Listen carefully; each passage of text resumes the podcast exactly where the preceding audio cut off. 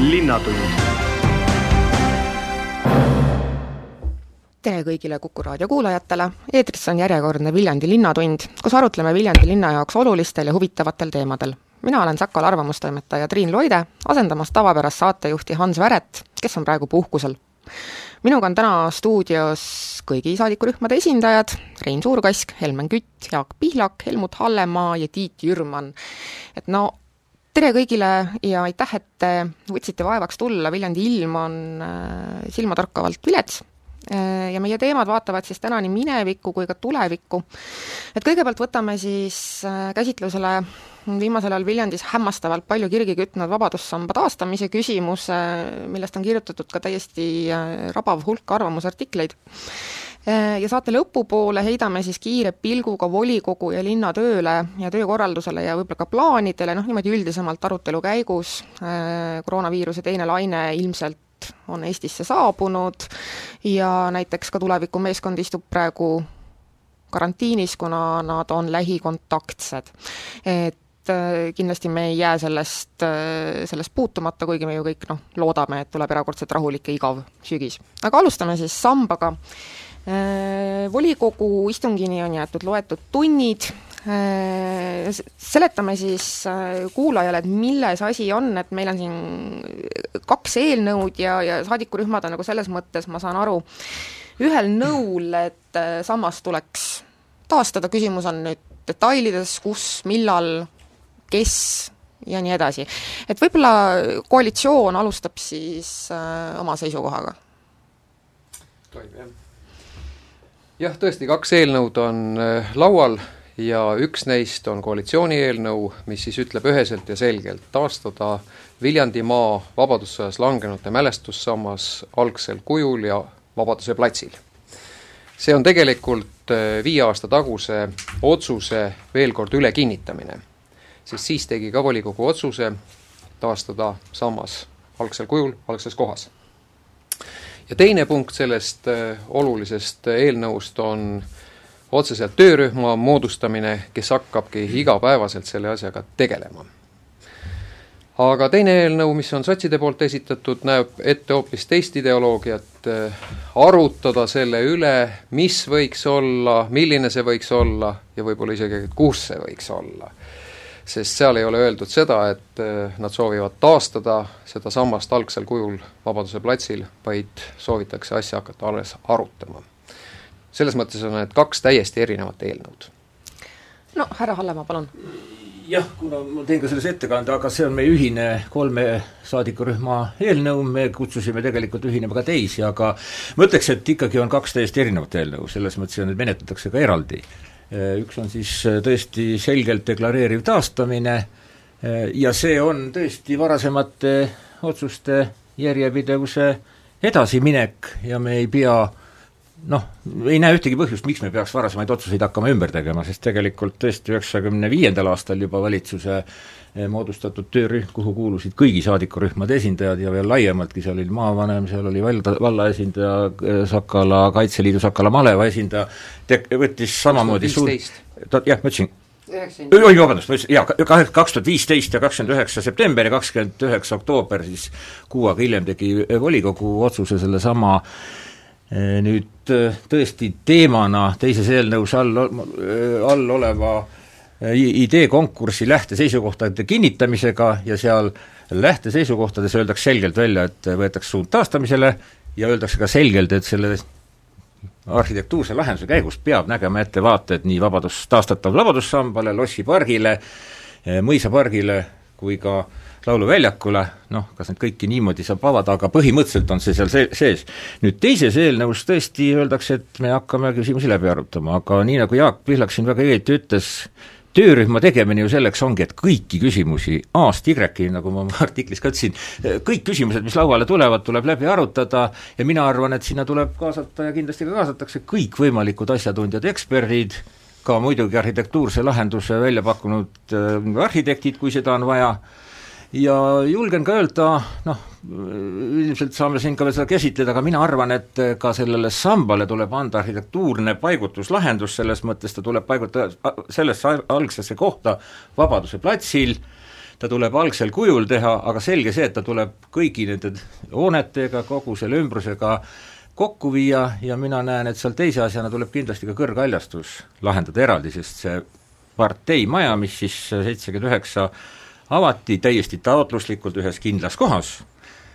ju see just nimelt sellepärast, et seal oli Vabadussamba asukoht, et see paiknes pargi sees kui haige hammas ja tegelikult see park on täna äh, ebasirge se-, servaga, aga nüüd hakkab kujundama selle väljaku serva park ja, ja ja tegelikult ka selle samba tausta hakkab see park kujundama. nii, aga härra Jürman, palun, te soovite sõna? väike tähelepanek Helmutile lisaks, et et lõppude lõpuks läheb see töö nii-öelda linnavoli-, valitsuse pädevusse ikkagi, et see töörühm paneb paika detailid ja arutab läbi teat-, teatud nüansid ja siis hakkab tegelema ikkagi linnavalitsus lõpuks selle töö, selle töö teostamisega. no EKRE tihti meil siin Linnatunnis ei ole, et äh, äkki mm, suur kass, äkki te nagu räägiksite kuulajatele, et mi-, millised on nagu EKRE mõtted äh, selle samba ja, ja, ja komisjonidega seoses? tere päevast ka minu poolt. et äh, noh, tegelikult äh, EKRE seisukohad on kogu aeg olnud väga ühesed, et see Vabadussõja ausammas tuleb taastada, tuleb taastada algsel kohal ja algsel kujul. ja noh, kuna me siin räägime, et on see samb sammas on nagu selline kaheksa ja natuke peale meetrit kõrge, et see tuleb igavesti uhke asi. ja ta oli ka juba omal ajal, kui see sammas ehitati, oli ta üks uhkemaid Eesti Vabariigis siis eh, ehit-, loodud sambaid nii-öelda. ja tegelikult noh, mul on veel teine selline huvitav aspekt selle samba taastamisega seoses, nimelt on meil asutatud loodud sihtasutus Sakalamaa Vabaduse ausamba taastamiseks ja siis oli aasta kaks tuhat viisteist ja kui ma õieti mäletan, see oli see kuusteist märts. et juba, juba siis me pidasime plaani toona selle ausamba taastamiseks ja, ja, ja siis ka siht raha leidmiseks ja toona oli veel niisugune lugu, et oli ju mitu, mitu kohta sellel sambal, et ei olnud see esialgne, kus ta oli planeeritud sinna Vabadus, Vabadusplatsile, vaid oli ka muid kohti välja pakutud, aga noh, meid rahuldas toona ainult see üks ja ainus koht, nii et väga huvitav on jälgida tänaseid, tänaseid selliseid äh, nagu, kuidas nüüd öelda äh,, liikumisi sellel, et, et, et see sammas tõesti, et ütleme, nüüd on nagu see Äh, parteimaja on nagu kaotanud oma eksistentsi ja et ühesõnaga, et ju siis, ju siis läheb ka meie, meie selline plaan saab teoks, et et koos siis tänase koalitsiooniga see sammas ka valmis ehitada. ja Helmen Kütt, annan sõna teile. no minu meelest ei ole siin ähm, kellelgi vaidlust sellest, kas äh, Viljandi maakond väärib seda sammast ja kas see sammas peab tegema või seda tuleb teha, et kaks tuhat viisteist oli juba ju komisjoni otsus ja seal on allkiri ka sotsiaaldemokraatide poolt ja seal on väga selgelt protokollis kirjas mustvalgelt, et sammas taastatakse algses kohas ja algse kavandi järgi. nüüd üllatav on see, et äh, kaks tuhat seitseteist ja siis tõepoolest Keskerakond ei kuulunud enam koalitsiooni, koalitsioonis olid Isamaa ja Reformierakond, äh, tollase linnapea Ando Kivibergi allkirjaga on kiidetud heaks kavand, mis näeb ette vana samba taastamist, aga seal äh, on fikseeritud äh, olukord, kus selle kavandi järgi ei ole seda vana sammast sellise koha peal ja sellisel kujul nii et, et äh, minu meelest mulle eile helistas, ma ei tahagi rohkem selle äh, koalitsiooni eelnõuga puudutada või rääkida, vaid ma tahan tuua selle, et, et minu meelest on olukord muutunud piinlikuks, peaaegu sama piinlikuks nagu ujula teema. Mulle helistas eile üks vanaproua, kaheksakümne kolme aastane, kes ütles, et, et tema isa langes Vabadussõjas, ta siis ei elanud Viljandis, nüüd ta jälgib seda, ta väga tunnustas Toomas Matsoni artiklit, noh, siin on teisedki poliitikud kirjutanud, aga ajakirjanik Toomas Matsoni artiklit, eh, ja tõi selle välja, et, et ähm, erakondade üleselt, täpselt sama tõid seeniorite nõukogu oma istungil, et erakondade üleselt peaks kokku leppima, sotsiaaldemokraadid, kui me järgmises punktis räägime meie eelnõu, siis me palume kahte kuud aega sama töögrupp nagu kõik teised, töögruppi kindlasti peavad kuuluma ka maakondade, valdade esindajad ja minul on suur üllatus, et kui kaks tuhat viisteist ühel meelel kõik esindatud erakonnad volikogus selle allkirjastasid, siis miks ei asutud tegutsema? oli teada, et vaja on avada arve, peaaegu kolm aastat tagasi juba seeniorite nõukogus Hillar Saar pakkus, et avagu linnavalitsuse arve, suhteliselt sarkastiliselt öeldi, et Hillar võib ise kodanikualgatuse korras hakata raha koguma, et see muutub natuke piinlikuks, aga see proua lihtsalt helistas ja ütles, et temale meeldiks. et ta on ammu ootanud seda sammast, aga ta kardab, et tema silmad seda ei näe, ükskõik millise otsuse järgi minnakse, see võtab kõik aega, kui palju on selleks raha, kui palju võtab raha kogumine, aga küll temale oleks meeldinud see, et, et et Vabaduse sambaks oleks võinud olla ka ujula, mida kõik inimesed rõõmsalt kasutavad ja rõõmustavad, nii et, et see oli see kõne, mille ma tagasi tõin, aga eelnõu osas me oleme ju sama meelt, töörühm mm -hmm. tuleb luua, meie tahame, et novembriks oleks asjad selged, sest siin on mitmed vastuolud, kas või see kaks tuhat seitseteist, kas või see, et arhitektid eeldasid selgelt, et see visioon ja kavand, mis kinnitati, et on nende teostus ja nende nägemus, see, et, et on arutatud arhitektidega ja otsitud kompromissi, see on kõik väga tore ja kena, aga selline suur asi, noh, piinlik olla kahe viimase linna hulgas, kus seda taastatud ei ole, ja jälle, et Suure-Jaani, minu sünnilinn, on saanud nii ujumiskeskuse, kui on taastanud lembitusamba, nii et, et nii ta on, et, et mina arvan, et üksmeel peaks saavutama ja vähem sellist poriloopimist ja selliseid üksteisele teravaid lauseid ja ütlemist, samas tuleb täiesti kindlasti, aga ammu oleks võinud juba olla algatatud raha kogumine ja, ja asi oleks tunduvalt kiiremini liikunud, aitäh! Eh, no ma arvan, et äh, mitte ükski teema ei muutu nii piinlikuks kui Viljandi Veekeskus. Eh, et ma siiralt loodan, Helmen nüüd äh, küttis kirgi, kõik soovivad põhimõtteliselt sõna saada, aga esimene oli Jaak Pihlak. Jah, ma pean ütlema siin nüüd Helmenile täienduseks, et äh, see, mis on olnud, see on olnud. Äh, heita kellelegi ette midagi kas tegemata jätmist või teistmoodi tegemist, äh, on antud juhul täiesti kohatu. täna oleme me seisus, kus parteimaja on lammutatud, täna me kinnitame veel kord üle selle otsuse, et äh, Vabadussõjas langenute mälestussammas taastatakse algsel, algsel kujul Vabaduse platsil ja selle teostamiseks, selle samba rajamiseks moodustatakse töörühm. Ei midagi enamat, kõik ülejäänud detailid on ebaolulised nende üle meil ei ole mingit vajadust enam vaielda. aitäh! no vot, mina tegelikult arvan, et tegelikult kõik detailid, mis lauale kerkivad, nende ümber tulebki vaielda, selleks seesama töörühm luuakse ja, ja mul jäi enne tõesti toomata välja, kes sinna töörühma kuulub, sellepärast oli Tiidu märgus õige, aga töörühm ongi kavandatud selle eelnõu järgi, ma arvan, ma loodan, et on kindlasti õhtuks ka otsus, kavandatud linnapea, ehk siis side linnavalitsusega, linnavolikogu esimees, kui siis selle kogu noh, mis tähendabki ju kõigi erakondade ülene ja kõigi fraks-, saadikurühmade esindajad, kes on siis ise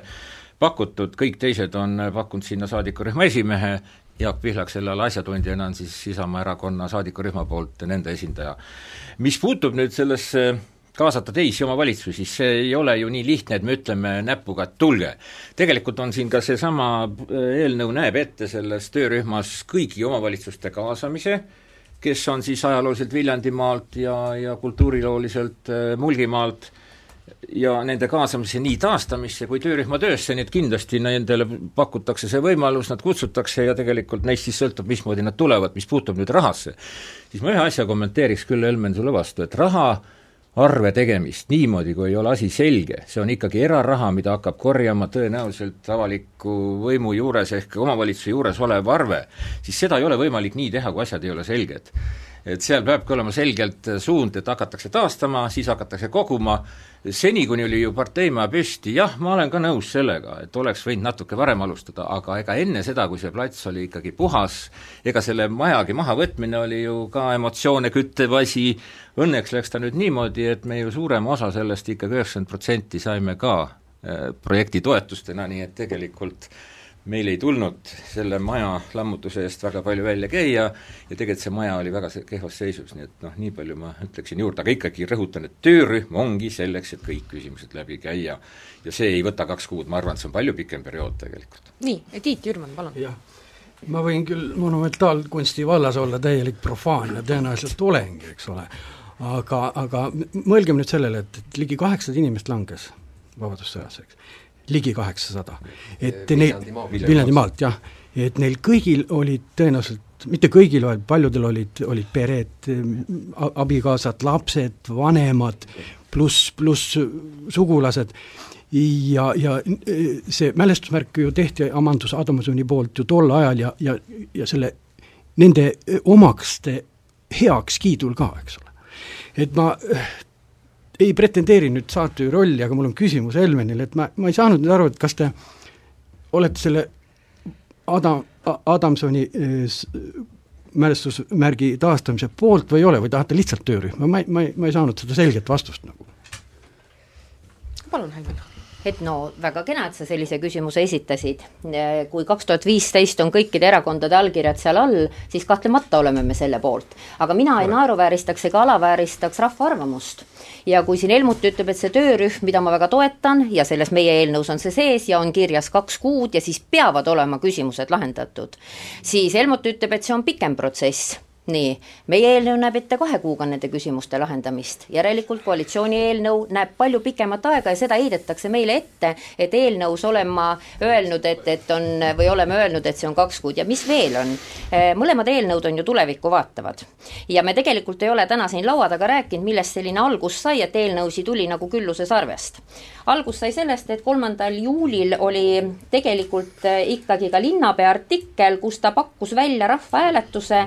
selgitada siis, milline lahendus ja rahva arvamuse küsimine. siis esitas Reformierakond oma eelnõu, mille ta võttis tagasi ja esitati koos. Reformierakonna eelnõu esitamise järgselt esitasid sotsiaaldemokraadid eelnõu mis tegelikult ei erinenud selles mõttes väga selle hetke mm, esitatust, mis oli siis Reformierakonna poolt. ja veel kord, et, et Helmuti jutule siin äh, täienduseks, kaks tuhat viisteist, kui võeti vastu volikogu otsus siis ei oleks mingi probleem olnud alustada raha kogumisega. kas siis tõesti kaheldi seda, et kas sammas üldse tuleb, raha kogumine ei käi nipsust, see võtab aega, inimesed ka välismaal, väliseestlased on mitmed pöördunud, sooviksid annetada, on seda küsinud eelmisel aastal juba Viljandis, käies suvel puhkamas, kas saab annetada, nii et, et äh, see ei tähenda, et sellist arvet ei oleks võinud varem alu-, avada ja alustada selle kogumist, see võtab aega, nii et, et need on need põhjused, mis ma arvan, et meil ei ole siin eriti laua taga eri eriarvamusi.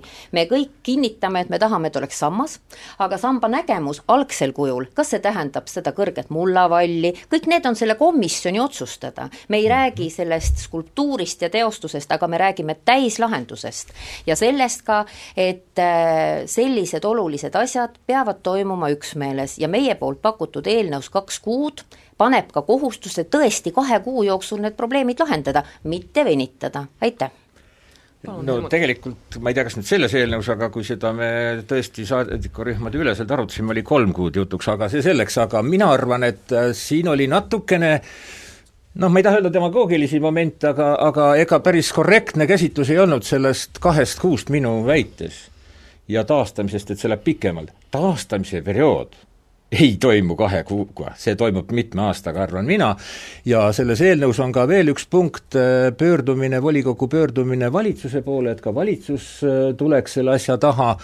Ja Tiit meenutas Amandus Adamsoni sellel mälestussambal Viljandis. On väga suur ka kultuurilooline ja ka just nimelt kunstiline väärtus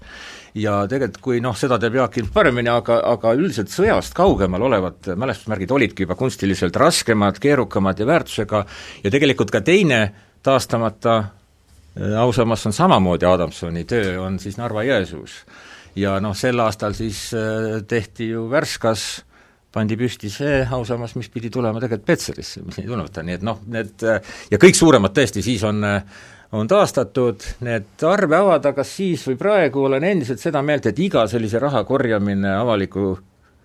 avaliku sektori või avaliku asutuse poolt on väga delikaatne teema ja ma arvan, siis kui on asi selge,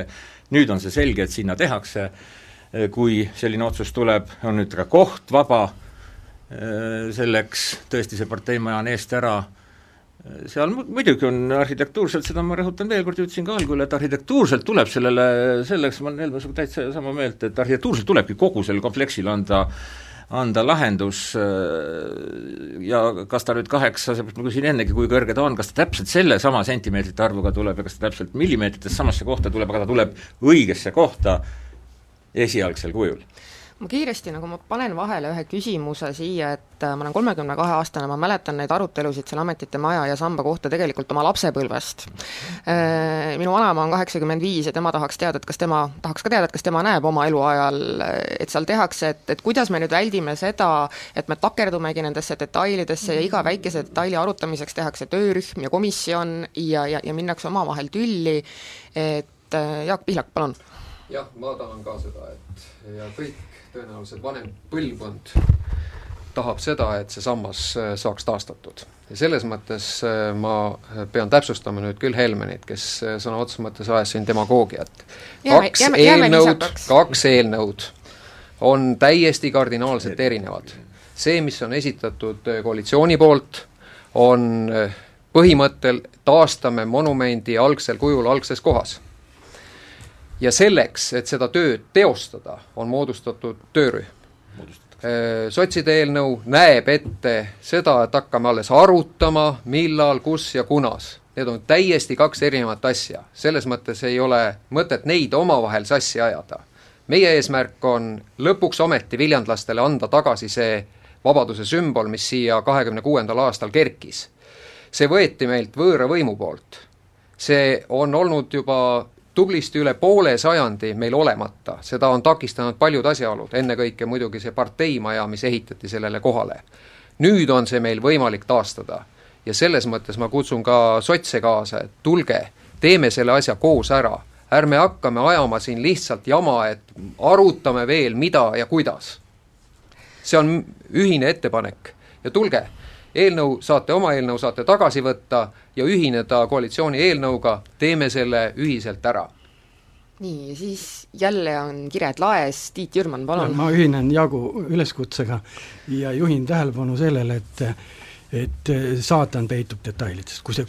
nõustun saatejuhiga, kui, kui tõesti see komisjon takerdub detailidesse, siis see asi väljub kontrolli alt ja siis ei tule sealt midagi välja. ja juhin tähelepanu ka sellele, et muide kaks konkurssi ajaloos on nurjunud.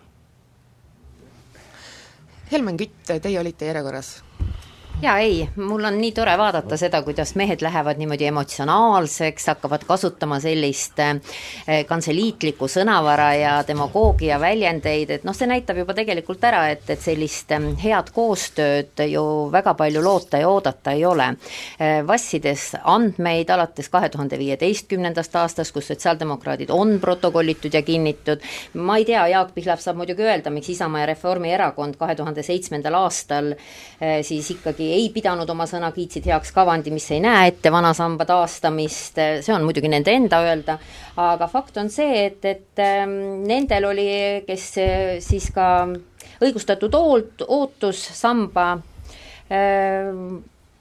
uue kavandi nägemuseks, nii et, et minu meelest, nii nagu Jaak alustas ja mulle väga meeldis see algus, et me võiksime näidata ka selles mõttes sellist head ähm, koostöövaimu et vaatame tulevikku, mis edasi teha? Kuidas edasi minna? ja noh, Helmutile täpsustuseks, Helmut võib kindlasti ka lindistuse üle kuulata, et, et sa tõepoolest ütlesid, et töörühma töö võtab aega rohkem kui kaks kuud. mitte taastamine, vaid töörühma töö võtab aega, et, et töörühma töö meie kavandu, kavandi järgi on kaks, ei mitte vaielda, vaid lihtsalt näitena tuua selle, et, et võiks kokku leppida, et töörühm tuleb, kõikide eelnõus on töörühm, nii, võtab kiirelt küsimustele, mis on probleemsed ja mis vajavad lahendamist ühised otsused ja see asi saab alguse. nii et, et selles süüdistada sotsiaaldemokraate, et äh, nad on samba taastamise ja ka Mandus Adamsoni kavandijärgse samba taastamise vastu, on pehmelt öeldes vale no, no Helmut Hallemaa, teie vastu no lausa. ma ei saa nüüd küll öelda muud, kui Helmen, see on super demagoogia. ma loen ette nüüd selle punkti, mis on selles kolme erakonna saadikurühma ehk Reformierakonna, Isamaa erakonna ja Keskerakonna saadikurühma teise punktina. moodustada töörühm Viljandimaa vabadussõjas langenetu mälestussamba taastamise korraldamiseks. ja taastamine võtab tõesti oluliselt rohkem kui kaks kuud. ma arvan, et isegi kahe kuuga ei, ei saa kõiki nüansse läbi arutada, nii et taastamise korraldamiseks töörühm töötab kindlasti, ma julgen küll öelda, paar aastat ja sealt lähevad tõesti ülesanded valitsusele, ülesanded mujale, pöördumised valitsuse poole, terve hulk muid asju. nii et see on oluliselt pikem nii et see on päris, päris selgelt üks, aga ühe asja ma ütleksin küll veel ja seda ma olen öelnud ka välja aastal kaks tuhat viisteist Sakal artiklis, et mina ei näe võimalust, et see sellisel kujul ehk Adamsoni ausammas paigutatakse mujale, ja teist asja, mis ma ei näe ka, ma olen täpselt äh, nagu ühte meelt, ma ei näe võimalust, et sellele kohale tehakse mingi modernsem asi. see oleks minu nägemuses parteimaja kaks. sest tegelikult noh, olles äh, juba ka natuke elukogemustega inimene, tean, kuidas see maja sinna nihkus, see oli kahe, paari nädala otsus, ta pidi tulema algselt Vaksali tänava äärde ja siis tuli kuskilt suunis, et ta tuleb tõsta just nimelt sinna ja selle noh, taotlus oli kindlasti üks, seda me saame täna kõik aru mul on siiralt hea meel, et mina seda ei mäleta, mina tegin sel ajal maailma kõige ilusamat tööd, kasvatasin oma lapsi, olin lastega kodus, nii et selline ajalooline mälu, nagu Helmutil on, kuidas tekkis parteimaja, seda ma ei tea. aga äh, kindlasti jälle demagoogia ma..., mina ei teinud sel ajal seda tööd, mida sa tahad ei, praegu siduda. ei, ei vastupidi, sinu mälust me räägime, mitte mingist tööst, ära võta seda isiklikult, absoluutselt ei, mitte. ma ei võta ühtegi asi isiklikult. ma arvan ka, et, et me võiksime, jaa, me võiksime nagu otsida üksmeelt nii siin saates kui ka volikogu saalis üksteist austaval viisil. No kohe on näha, et äh, ruumis on koos vanad sõbrad äh, ma siiralt loodan, et äh, vähemalt volikogus suudetakse võib-olla natuke rohkem üksmeelt leida, sellepärast et noh, et kui me siin oleme eelnevalt arutanud ja küsinud Sakala kaudu nagu arvamust, siis näiteks Jürman ja, ja Juhan-Mart Salumäe on öelnud, et noh, et siin teemas ei tohiks näha suurejoonil-, joonelist poliitilist vastuolu, et ma küll pean olema neutraalne, kasutan võimalust, ei ole, et noh, et tõesti, et see on nagu see küsimus, kus nagu parteilisus ei tohiks suurt rolli mängida, sest et küsimus on ju selles, et inimesed surid, inimesed kaotasid oma isad, vennad, pojad, see oli kohutav ja me võiksime nagu nende mälestust austada sellega, et me austame siin selles küsimuses ka üksteist ja unustame mineviku võib-olla korraks selles mõttes ära, et Helmut, palun. jaa, see on jumala õige, siit sinu, sinu jutust üle minna ongi jaa, et see on auvõlg tegelikult meil äh, selle Eesti eest langenud inimeste mälestuse jäädvustamisel, aga ma tahtsin öelda siia seda, et äh, menetlev komisjon, juhtivkomisjon ehk eelarve arengukomisjonis äh, kolme erakonna esitatud eelnõu, ehk kus selgelt öeldakse taastamine, sai kaheksa poolthäält, üks oli erapooletu ja üks ei hääletanud teine eelnõu oli ka algselt kokku lepitud äh, ka teie, ka Sotsiaaldemokraatliku Erakonna saadikurühmaga, et me kindlasti teeme sellise menetluse, et ta läheb äh, volikogu saali, seega niimoodi tuleb, nii et äh, ma arvan, et me ei näinud ja selline hääletus juba näitab, et tegelikult ilmselt komisjonis mindi natuke kõrgemale ja oldi saadikurühmade üleselt toimetamas. Tiit Jürman, palun kuulates kõiki osapooli, ma võin küll eksida, öelge, kui ma eksin, aga mulle tundub, et meil on ikkagi siin olevatest erakondadest ka väga suur ühisosa, et, et see vana sammas ikkagi taastada. see, see, kinnitab, et see noh, tuleb välja. selle äh, Amandus Adamsoni töö taastamisega algsel kujul, algses kohas, siis on kena kuulda seda aga kui, kui räägitakse millestki muust, räägitakse, ma ei tea, et hakkame asja alles arutama ja nii edasi, seda on kolmkümmend aastat arutatud. aitab. praegu on meil võimalus see sammas taastada ja me teeme selle ära no nii, ma arvan, et äh, kui me nüüd siit edasi läheme, siis me jõuame jutuga algusesse välja tagasi, et äh, tuleb igal juhul põnev äh, volikogu istung, et ma pöörduks nüüd saate nagu teise, võib-olla natuke niisuguse vabama ja, ja, ja, ja spekulatiivsema osa juurde. et ühe väikese niisuguse eelnõuna on täna ka kavas see, et et äh, volikogus äh, nüüd kinnitatakse, kuidas äh, kaugtööd teha, et noh, iseenesest see on niisugune väike formaalsus, aga see on tegelikult ju suure märgilise tähendusega, et me paneme kõik siin vaimu valmis selleks, et tuleb sügis, tuleb see, see, see kardetud viirus uuesti, juba on ta mõnes kohas kohal, nagu me näeme, siis ta tuleb üsna ootamatult, et kuidas siis nagu kuulajaid nagu, nagu, nagu lohutada või kinnitada, et äh, millised plaanid on linnal äh, sügiseks, äh, oletame, et Viljandis tekib koroonakolle, et kuidas, kuidas, kuidas seda töökorraldust te hakkate tegema, et kes soovib esimesena sõna? Jürman, palun no,. hariduskomisjoni esimehena ma võin öelda, et et koolides on küll valmisolek ja tehakse tugevat ennetustööd, on, on desoained, desovahendid, kõik on ette valmistatud, nii et koolid võivad alata ja, ja koolidesse on ka saadetud HTM-i poolt teatud, juhtnöörid, kuidas käituda, mis puhul. ma kui... provotseerin kohe vastu, et eile tegelikult ei olnud koolid päris veel üksmeelel, kuidas nad eks-, neid aktuseid korraldavad ja, ja, ja, ja, ja nad, nad teevad seda ka kõik erinevalt, et kas meie linnakoolidel on mingisugune ühtne ma jään vastuse võlgu, aga ma rääkisin lihtsalt tehnost, et mm, -hmm. et mhm. koolid on te-, tehniliselt valmis nagu, nagu ennetustööks ja, ja, ja et välistada, et see viirus nagu leviks. kuigi äh, lastel, alla kaheksateistaastastel lastel Euroopa uuringu järgi ainult neli protsenti lastest haigestus äh, koroonaviirusesse ja, ja nad põdesid ka seda väga kergelt läbi mm. -hmm. Helmen, palun võib-olla kuulajatele tõlkimiseks, et HTM on Haridus-Teadusministeerium ja tõepoolest selles osas on nagu mm, ikkagi vaidlusi ja kui te loete ka mm, siis nagu Teadusnõukogu, kus anti kommentaar sellele, kui minister ütles, et kümme protsenti on haige ja siis võib nagu kooli umbes lõpetada või kinni panna, et siis tegelikult äh, ma tahan kindlasti tunnustada seda, et, et Viljandi linnavalitsus ja eelkõige selle süsteemis töötavad inimesed ja ka Viljandi linna inimesed on väga tublisti eelmise perioodi eh, järginud neid soovitusi, eelnõu, noh, kõike seda eelnevat arvestades ma usun, et me saame hakkama, aga meil on kindlasti kitsaskohti. ja võib-olla ka nende signaalide osas, eh, kus on pandud koolidele väga palju sellist iseotsustamist, mis ühest küljest ei ole vale, aga teisest küljest kõik me kardame seda kroonviirust ja see ongi viirus, millel ei ole veel ravi ja ka mitte vaktsiini ja hirmu ei tasu nagu alaväärtustada, aga minu mure mure, olles sotsiaalvaldkonnas siiski, ma ütlen, et meie hoolekandeasutused kindlasti selleks valmis ei ole ja nad ei ole valmis ka selle tõttu, et ainult lukkupanek ei tähenda seda, et probleemi ei ole see on riigipoolsed soovitused ja suunised, kuidas käituda, peaksid olema selgemad, sest hooldekodud on väga tihti jäetud üksi selle teemaga. võin öelda seda, et kui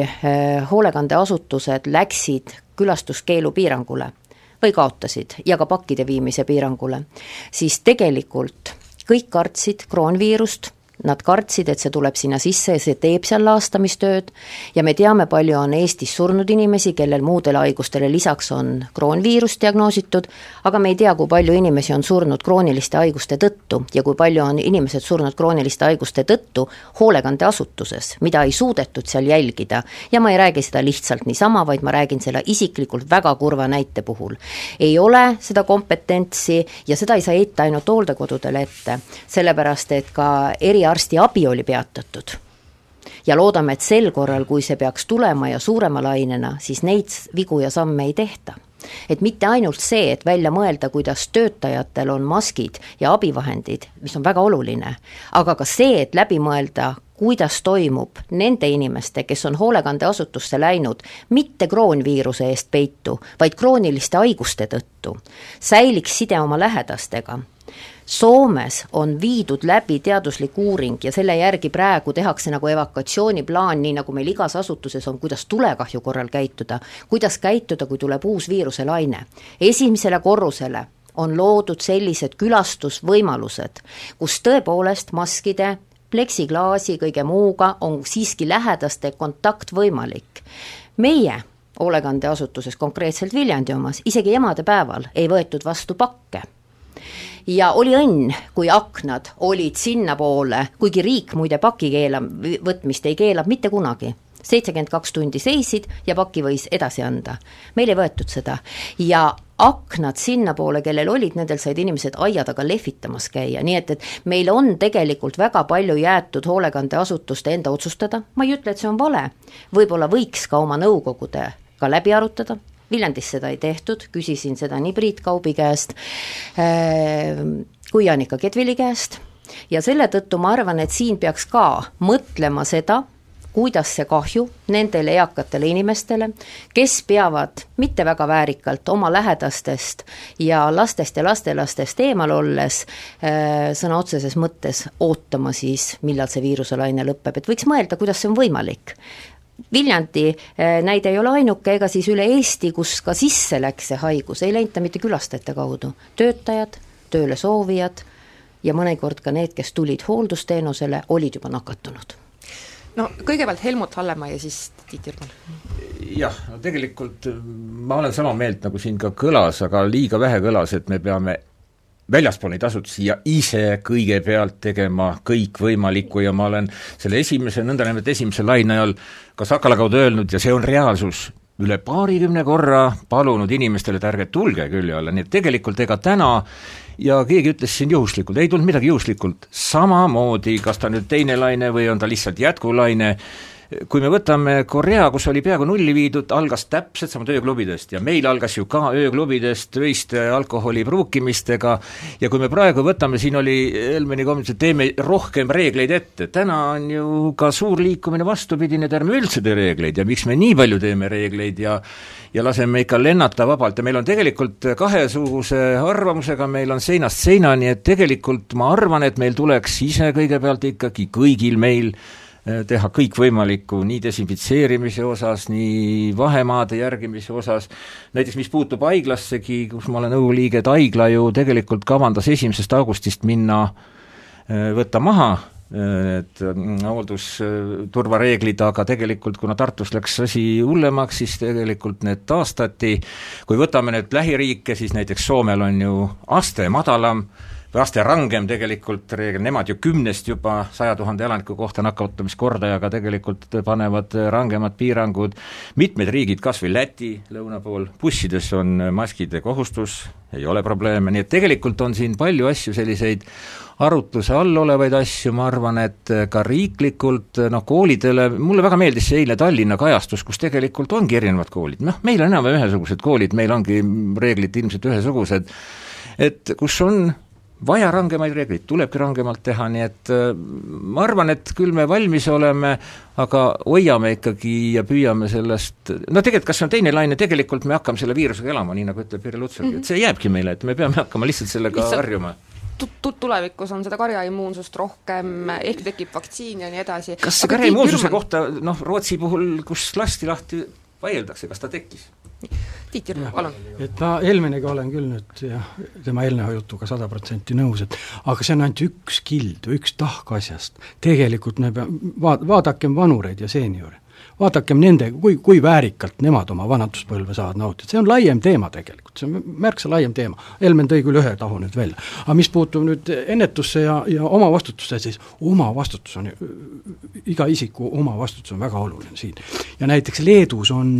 siseruumides, ühistranspordis maskid kohustuslikud. me ei pea mm, ostma neid ühekordseid maske, näiteks Leedus on, on vabalt müüdavad korduvkasutuse maskid, võite pesta neid, triikida ja, ja rahaline sääst on märkimisväärne. et ka sellele võiks natukene riik ikkagi mõelda, et, et kas, kas siis lasta kellelgi toota neid või, ja et need oleks nagu vabalt kättesaadavad siis vajadusel. Jaak, palun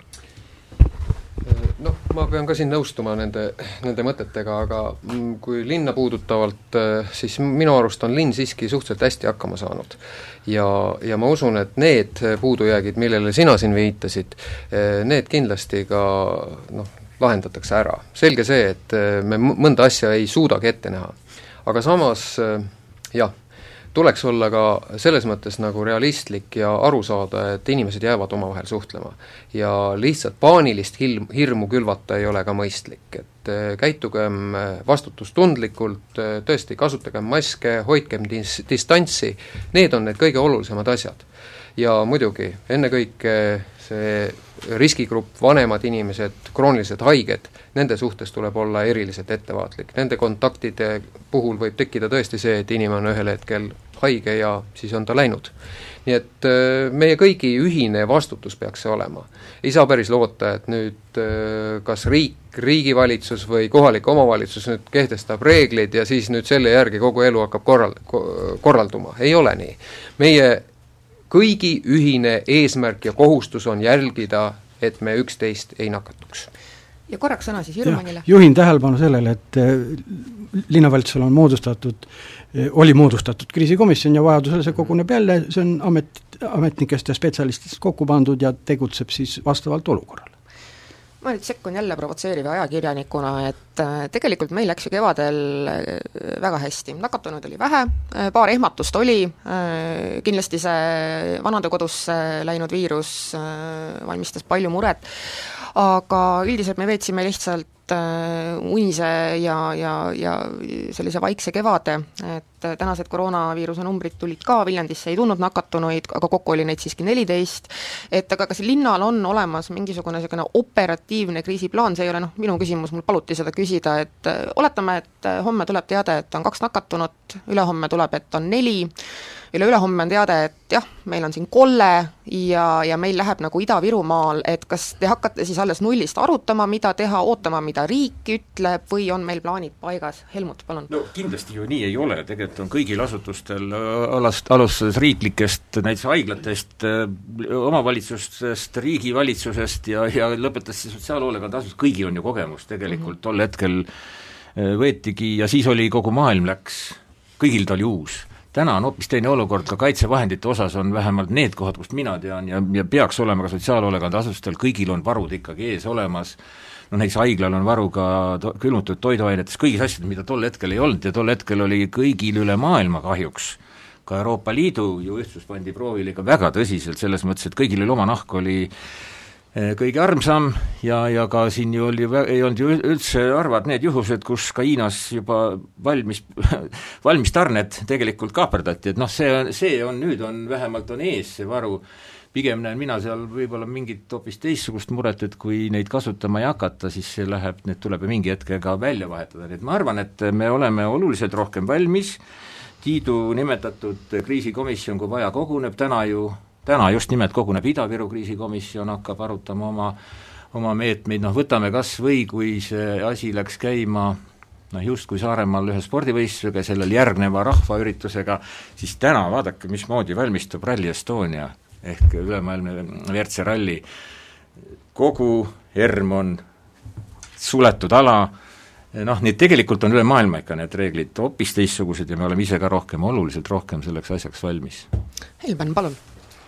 ja nii, nagu ma kohe alguses ütlesin, et, et siin tuleb tunnustada ka kevadise olukorra osas linnavalitsust, aga eelkõige inimesi, nii linnainimesi kui neid, kes töötasid kauplustes, Päästeametis, tuletõrjes, haiglates, et neid meie inimesi, kes tegid seda igapäevast tööd, ma toon lihtsalt ühe näite. saatan peitub detailides, me kindlasti oleme järgmiseks viiruseks rohkem valmis, me nii palju ei karda, me teame, kuidas käituda, millised on järgmised sammud, kui peaks olema, aga ma toon lihtsalt ühe näite, mida ma avastasin nüüd augustis, augustis käies siis äh, abikaasaga Soomes ja kaupluses ähm, meil on kenasti pleksiklaas ees, müüjatel on kas visiirid või maskid vajadusel, hotellides teenindajatel samuti, äh, kaks meetrit on maha märgitud ja üldiselt seda kauplustes hoitakse, olen Helmutiga nõus, et mõnikord on mõned, kes tulevad äh, liialt lähedale, aga, aga noh, ausalt öelda, kui ta ei köhi, ega ma nagu ei hakka talle ütlema ka midagi, eks ole. aga vaadake nüüd seda pilti, äh, kaks meetrit hoiame vahet kassa järel, siis läheme hakkame kaupa panema kotti ja seal me seisame nagu vennad ja õed kõrvuti. Soomes on pleksiklaas, mis läheb ka selle teise lindi juurde, ehk siis need inimesed, kes üks paneb ühel pool kaupa, sest üldiselt selle viiruse aeg käiakse üks kord võib-olla nädalas, ostetakse rohkem ja kassapidaja ei oota nii kaua, kui sina oled oma toidu ära pakkinud ja siis hakkab järgmist et üks lihtne asi, mis jälle on turvalisuse osas, et selliseid häid praktikaid ja mõtteid ja võtteid ja, ja tõepoolest, ei, me ei saa loota, nii nagu siin on ka öeldud, et selle viirusega tuleb meil õppida elama nii kaua, kui on vaktsiin, nii kaua, kui on ravim. siis me ei saa loota, et õpivad elama nooremad, õppida tuleb elama ka vanematel, kes on väga kohusetundlikud, aga tuleb õppida elama ka nendes asutustes, kus vanemad inimesed viibivad, sest see kahju, mis tähendab seda, et kui ei ole võimalus lähedastega, kas või väljas värskes õhus, esimesest maist alustati hoolekandeasutustes Soomes, välja arvatud Helsingi ala, kus oli suur nakatumisoht, alustati kokkusaamisi vabas õhus, kaks meetrit vahet, maskid ees ja mitte keegi ei nakatunud, ei olnud haigeid. pigem nakatuti siis, kui töötajate osas oli läbi kokku leppimata, nii et, et me peame õppima elama ja õpetama ka eakaid ja nad on väga õppimisvõimelised. lihtsalt tuleb asjad läbi rääkida. veel üks näide, ma ei tea, kas Viljandi linnavalitsus on sellele kaalunud või arutanud ja kui see kriisikomisjon kokku tuleks, võiks seda arutada, äh, paljudes riikides on välja mõeldud ka see, kuidas vähekindlustatud inimestele jagatakse kakskümmend viis maski tasuta, sest äh, ühekordsed maskid ja vajadus sellele vähekindlustatud inimeste korral, ma ei tea, kas sellele on mõeldud, aga võib-olla tasuks sellele mõelda. võib ka ise maski õmmelda, aga mitte kõik ei ole õmblejad, näiteks meesterahvad ei pruugi olla ise maski õmblejad, aga üksikutel meesterahvastel võib-olla oleks mõistlik, kui selle peale oleks mõeldud vähekindlustatud perede osas. nii et, et saatan peitub detailides, mina olen optimistina, loodan, et me saime aru, et vähem tuleb sulgeda, kui me oleme, hoiame kokku ja järgime reegleid ja mulle tundub, et, et see toimis, et loodame, et see laine, kui see on tulemas, Eh, ei pane riiki kinni, aitäh. Tiit Jürman kõigepealt, palun. ma ei poolda küll jah, radikaalseid meetmeid, aga kui vajadus on, siis tuleb neid rakendada ja näiteks mida te peate silmas ma pean silmas näiteks, ma, ma ei sekku nüüd Poola siseasjadesse, aga ma tean, et, et Poola tervishoiuminister valmistas ette määruse, eh, mis eh, annab õiguse kaupluse müüjal mitte teenindada kaupluse külastajat, kellel ei ole maski, ma ei tea, kas see on vastu võetud või ei ole, aga ma tean, et see määrus on ette valmistatud et vajadusel vajadusel, vajadusel noh, tuleb rakendada ka riigi poolt äh, rangemaid meetmeid, kui on, kui on tõesti vajadus. nii, Helmut Hallemaa, palun. ja ma ei hakka hindama, mis erakonnast ta oli ja ma arvan, et eks siin käitutakse kindlasti igas riigis oma, oma sellest sisemisest kultuurist, kõigist muudest asjadest lähtudes, aga ma tahtsin öelda, et Triin, sa alustasid sellest, et täna on eelnõu, täna on tõesti valitsuse kaugtöö eelnõu. sama tuleb tegelikult ka volikogul meil käsitle koos töökorra muudatusega ja kui vaadata, siis ka Viljandis isegi ju väga, mis isegi, nagu, nagu teistes Eesti kohtades, ka Viljandis muutus väga palju, selles mõttes on jäänud kaugtööle mitmed kohad, ja, ja on ka mitmed, mitmed, mitmed asutused seda kaalunud veel laiendada ja teine, mis on, mida mina varem ei pannud, vähemalt Viljandis küll tähele, olid ko-, toidu koju toomine, valmistoidu koju toomine ikkagi sellest perioodist alates sel aastal on hästi kõvasti laienenud. ja olen sama meelt nõus Helmeniga, et need inimesed, kes olid eesliinil kogu selle raske perioodi, need väärivad tunnustamist ja ega me ei olegi võimalik nende seda tööd kogu kogumahus noh, katta, et tegelikult olid need ikkagi erakordselt tublid, tublid inimesed, kes ka sageli oma isikliku aja arvelt tegid seda ja meile, ja kui nüüd sotsiaalhoolekandeasutustega öelda, siis tõesti ei ole meil võimalik töötajaid sinna viia, näiteks peaminister kogu selle aja töötas niimoodi, et ta ei olnud kodus. et, et mitte rakendada oma perekonda. kõigepealt Jaak Pihlak, kiire repliik. jah, ma, ma pean ka ütlema, et eestlased on ikka väga targad inimesed ja, ja üks meie eripära on ju see, kui te mäletate suvel, kui lõpetati kahe meetri distants ära, siis äh, me armastame vis-, visata vahetevahel nalja. ja siis öeldi seda, et jumal tänatud, et see nüüd ära lõpetati, nüüd võime jälle teineteisest kaugemal olla aga kiire siis küsimus selline, et ähm, noh, Sakala kokkupanek äh, kaugmeetodil on võimalik, kuigi piinarikas, kas linna on võimalik äh, kaugjuhtida? kuidas, kuidas see kevadine kogemus teil oli, et no, volikogu töötas viis kuud ja meil tegelikult juba juunis, juunis ei olnud vajadust, aga üks inimene, kes siis ühe saadikurühma esimees, Harri-Johan Aaltonen, ta kogu neli kuud ta käis volikogu istungitel ja siis selle viimase kuu, kui me juba olime koos Sakala keskuses, oli ta siis kaugjuhitaval, juhitavalt osales volikogu töös ja ja tegelikult me ju täna ka, volikogu peab järele Sakala keskuses, volikogu aseesimees Peep Aru tegi selle ettepaneku, minu arust väga mõistlik ettepanek, et tegelikult on võimalik, aga kindlasti kaovad ära paljud sellised noh, seda öeldakse ükskõik mis kogus ikkagi need öö, otsetöö kontaktid, kindlasti on keerulisem mingeid asju kokku leppida, nii et tegelikult ega päris ei ole võimalik, aga kindlasti on võimalik neid asju lahendada. Ja kui siin Jaak tegi ühe nalja, siis mina tegin sellel ajal samamoodi nalja, et meil on võimalik kõik need linnavalitsuse majad maha müüa ja vaata, kui rikkaks me saaksime tegelikult, et kuna, kui kaugtöö meetodil töötama hakata, aga see oli naljana ikka mõeldud, tegelikult tahaks ikkagi loota, et, et, et me ka sellest viirust, meil on neid viiruseid ju siin järjest olnud igasuguseid ja, ja küll ka sellest saadakse üle ja, ja normaalsed töörütmid taastuvad, aga nagu sa algulgi mainisid, me ei ole veel maininud, et et isegi jalgpallimeeskond on meil täna karantiinis, ka sinna on see läinud, nii et noh, eks ta jah, liigub. täpsustan küll, et äh, mitte viirus ei ole jalgpallimeeskonnas, vaid äh, nad olid lähikontaktsed ja, ja, ja, ja, ja on sellepärast lihtsalt selleks, et kõiki teisi kaitsta kodus eneseisolatsioonis, et kindlasti peaksid seda tegema ka kõik äh, raadiokuulajad, kes on lähikontaktsed. korraks küsiks EKRE käest siiski, et äh, kuidas teie hinnangul Viljandi on, on sügiseks valmis? ma arvan, et on valmis ja et äh, tegelikult on sellest kevadisest lainest või õigemini sellest, juba sellest talvisest lainest on väga palju õpitud. et on saadud teadmisi, et ühesõnaga, kuidas seada piire sellele nakkusele, kuida-, kuidas käituda olukorras, kus on pandeemia ja, ja ja tegelikult mulle meeldis üks lause siit, et äh, see omavastutus on hästi tähtis. et just see, et äh, kui on kas tegemist siis mingi nakkusega, me ei tea ju, et mis see koroona tegelikult on, kas see on köha-nohu, niisama mingi hetkeline aevastus, et ühesõnaga, et pigem, pigem ikka hoiduda suurest seltskonnast eemale ja et see on nagu selline noh, hästi oluline ja hästi inimlik. Et võib ju paralleeli tõmmata, et kuidas on tohutu liiklusvool ja siis lapsevanem püüab lapsega üle tee minna sealt autode vahelt, et noh, et järgimata mingeid reegleid, et ma arvan, et reeglid on väga tähtsad ja et, et kui me ise ei näita eeskuju teistele, et siis me ei saa ka teistelt midagi sellist nõuda noh, et tundub, et ka see, see teine saate pool tegelikult on sellisel teemal, kus, kus küsimus ei ole poliitikas, vaid, vaid, vaid milleski üldinimlikus, äh, kus, kus ei olegi nagu väga võimalik minna võib-olla poliitilisel tasemel tülli, aga nüüd on meil paar minutit saate lõpuni, Helmen, palun. Ei, ma lihtsalt tahan tänada kaassaates osalejaid ja öelda, et kui viimases küsimuses on poliitiline, siis on ta tervishoiu- ja sotsiaalpoliitiline või majanduspoliitiline, jumal tänatud, et mitte erakonnapoliitiline jah, ja suur tänu kõigile kuulajatele ja Linnatund on tänaseks korraks lõppenud, aitäh kõigile! aitäh, aitäh.!